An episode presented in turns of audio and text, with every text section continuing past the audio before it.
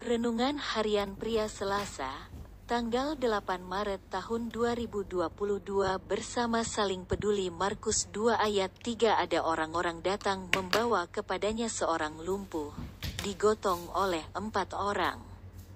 Ketika Yesus ada di Kapernaum dan sedang mengajar di sebuah rumah yang penuh terisi dengan orang-orang.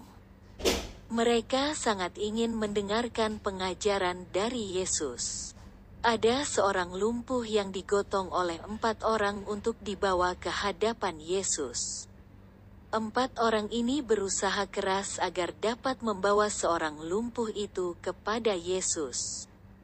Dan karena mereka tidak dapat masuk melalui pintu, mereka naik ke atap rumah dan membukanya. Sehingga mereka dapat menurunkan orang lumpuh itu tepat di hadapan Yesus. Sebuah nilai dari kebersamaan yang dapat kita pelajari dan teladani.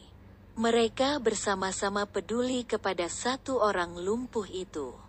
Anda dan saya juga harus mempraktekkan sikap peduli dengan saudara-saudara seiman lainnya.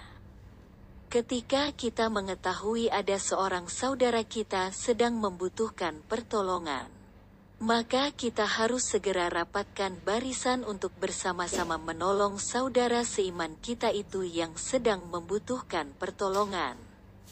Empat orang yang menggotong seorang lumpuh itu Walaupun sukar dan sepertinya mustahil, tapi mereka berhasil.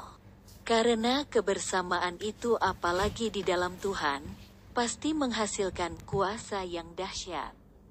Marilah kita bangun kasih persaudaraan kita di dalam Tuhan semakin kuat dan semakin peduli. Refleksi diri, apa yang firman Tuhan katakan kepada Anda? Bagaimana kehidupan Anda dengan firman Tuhan itu? Catat komitmen Anda terhadap firman Tuhan itu. Doakan komitmen Anda itu, pengakuan iman, saya membangun kasih persaudaraan dengan saudara-saudara seiman lainnya dan bersama saling peduli.